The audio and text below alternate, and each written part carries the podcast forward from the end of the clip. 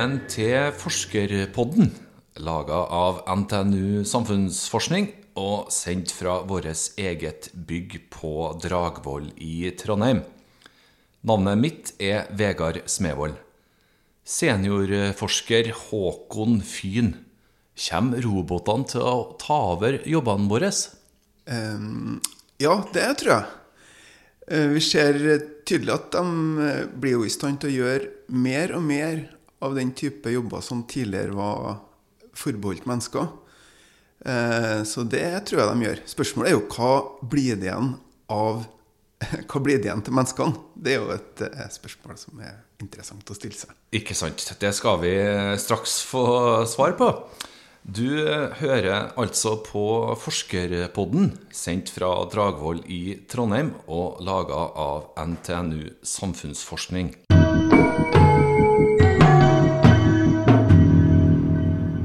I dag har jeg med meg sosialantropolog og seniorforsker Håkon Fyn.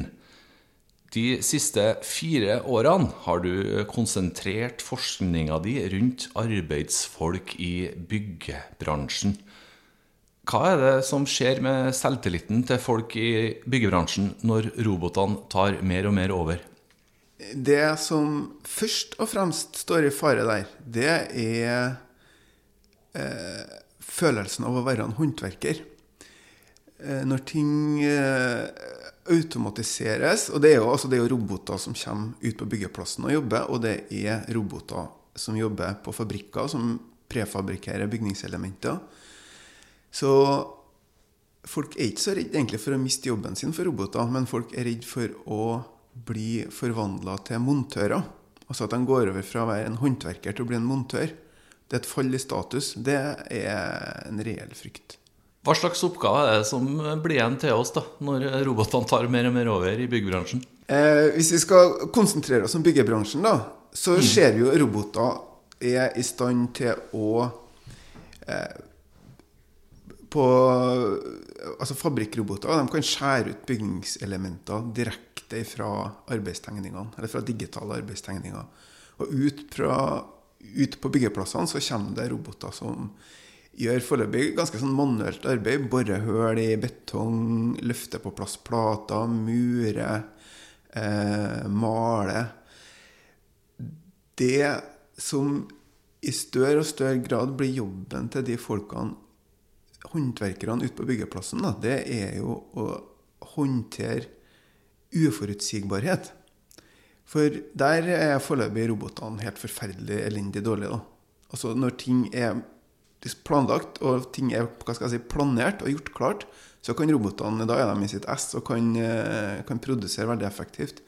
Men det er alltid uforutsette ting som skjer. da. Det er, går aldri sånn som planen er, og det dukker opp ting enten i grunn eller med ting som kommer for seint eller kommer feil. Eller, det er veldig mye som krever at man hele tida er skjerpa på å løse problemer som oppstår, uforutsette problemer, for å kunne hva skal jeg si, holde byggeprosessen i gang. Mm. Og der er det foreløpig at eh, mennesker er helt eh, enestående da, til å improvisere, kan du si. Durer de her robotene bare på dem da, hvis det skjer noe som ikke skal skje? Nei, de stopper. De stopper, ja. Du snakka om statusen. Hvorfor er det høyere status å ha Eller hvorfor er det forbundet med høyere status å være anleggsarbeider enn å være montør? Altså, det er jo Eh, sånn som det er i Norge, da, så er jo de folkene som du møter på en eh, byggeplass, de er har en håndverksutdannelse. Ganske, ganske god utdannelse, egentlig. Gjerne to år på skolen, og så to år eh, som lærling. Og så jobber de videre i, i en håndverksbedrift da, og, og blir bedre og bedre hva skal vi kalle det? Altså, den kunnskapen, da, eller den evnen, er, er egentlig litt undervurdert. Eh, sånn, når vi ser det fra et sånt, hva skal jeg si, kontorperspektiv. Men uh, ute på byggeplassen så er, er dette kjempeviktig. Og det som har vært en tendens nå, da, det er jo det er en kombinasjon av to ting. Det ene er at ved hjelp av prefabrikkering, altså at du kommer ferdige bygningselementer ut på byggeplassen som bare skal monteres, så stiller det i hvert fall tilsynelatende mindre krav til håndverksmessigheten og ferdighetene til dem som jobber der. Så det er den ene tingen som gjør at, at den frykten for å gå over fra å være håndverker til å bli montør, da, at den eh, dukker opp. Det andre er jo en omorganisering i måten bransjen driver forretning på. da. Det som Tidligere så var det et byggefirma. Det var et firma som besto av en liten gjeng som jobba på et kontor. Og så var det en god del snekkere eller tømrere og i forskjellige håndverks folk. Trenden nå det er at et byggefirma det er bare de kontorfolkene. Og så eh, skaffer de seg oppdrag gjennom eh, lave anbud. Og de får til å gi lave anbud fordi de regner med lave kostnader når det gjelder personell. Og så leier de inn folk fra oppdrag til oppdrag. Fra et vikarbyrå eller eh, fra utlandet. Og dermed så får du en type arbeidsfolk som kommer på byggeplassen, som er leid inn for øyeblikket, og som er der og gjør en jobb, og så går de igjen. Eh, og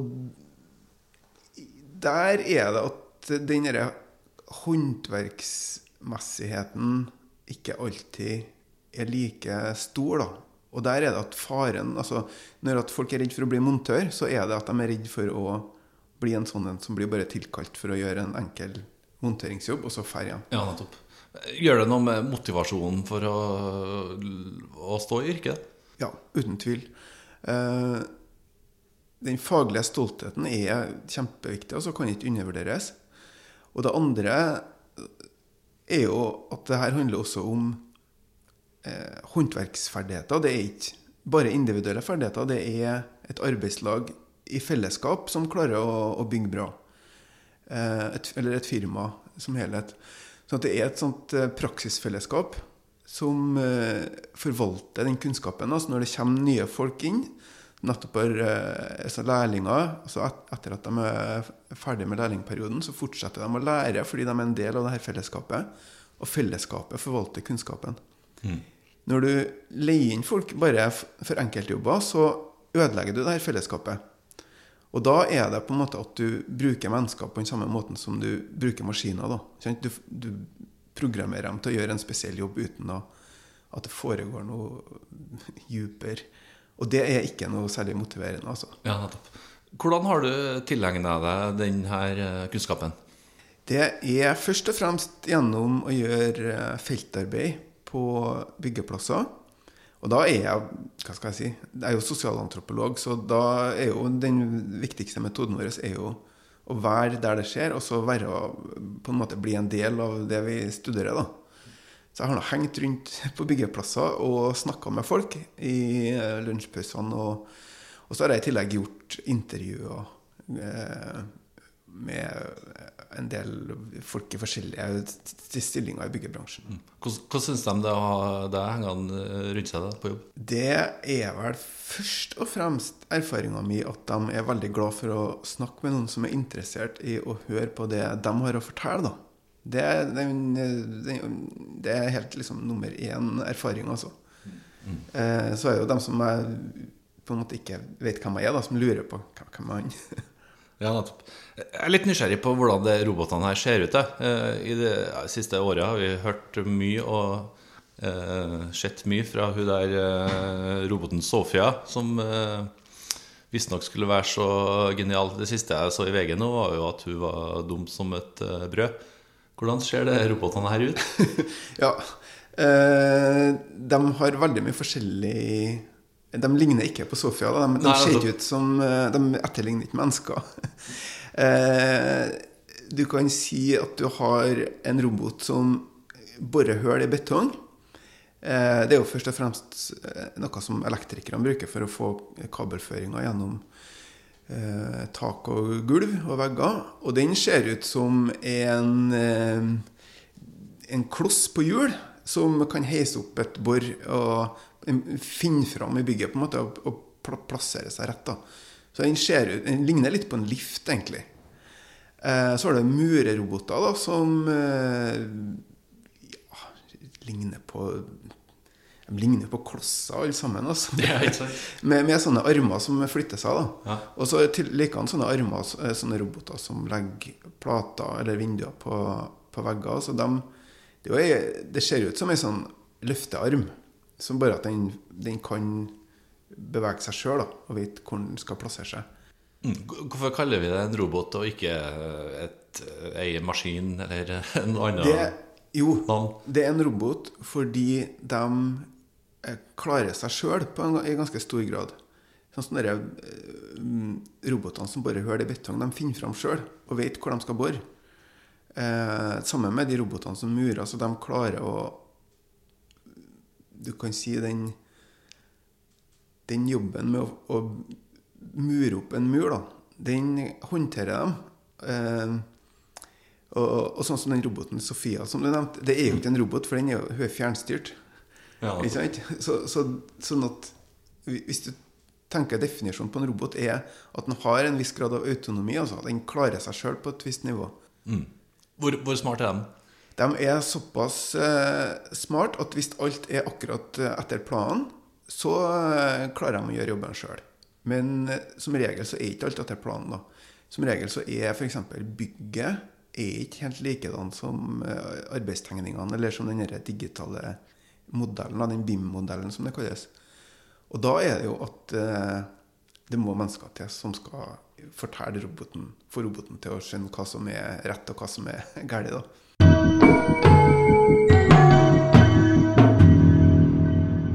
Håkon eh, Fyn, du eh, kan jo mest om eh, byggebransjen, som jeg har forstått.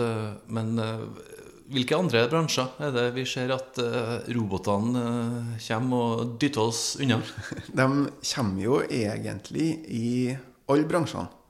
Eh, de bransjene hvor de har kanskje gjort, mest, eh, gjort seg mest bemerka så langt, det er f.eks.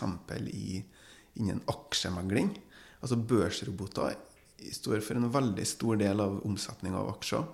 Og det er jo sånn i New York, kjent attmed børsområdet der, så er det jo skyskrapere som nesten er tømt for mennesker. De tar ut etasjene og eh, fyller dem opp med maskiner.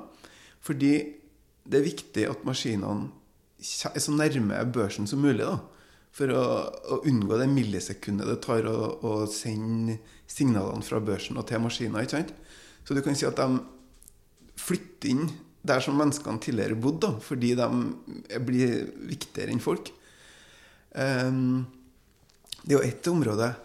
Uh, I helsevesenet så tror jeg vi har bare sett starten på, på robot, robotifiseringa, hvor um, Ja, Alle som har vært på St. Olav eh, i siste, har jo nærmest blitt påkjørt av en sånn uh, Robottraller, ja. Ja, som ja. kommer, eh, som kommer pipende. Ja, de er jo det, det er jo de mest synlige robotene, antagelig.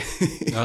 Nedpå der. Og de, eh, jeg har jo snakka med en del folk som De snakker trøndersk de, også. de snakker trøndersk, men de er like fullt irriterende. da. For de mangler den sosiale intelligensen som å slippe fram folk i heisen og sånne ting. De kjører bare på, okkuperer heisen og, og roper 'pass deg'. så så de, er, de er litt sånn irriterende, nettopp fordi de ikke har den sansen for å ta de andre menneskene sitt perspektiv. da. Det er altså kanskje en, et område til som jeg ville nevnt, hvor roboter virkelig er i ferd med å gjøre seg gjeldende. Det er jo i transport. Sjølkjørende biler er jo, det finnes jo allerede. Og det er jo sagt at i løpet av en, en tiårstid så er, er, det helt normalt med biler som kan eh, kjøre fullstendig. De kan komme og hente deg og kjøre deg hvor du skal. Og da er det jo det å være taxisjåfør da, det er på en måte en veldig utsatt jobb. da. For der er det snakk, ganske, lagt en ganske sånn tydelig plan for hvordan maskinene helt klart skal erstatte mennesker. da. Ja, robotene kommer til å ta over, sier du. Men kommer de til å ta fullstendig over?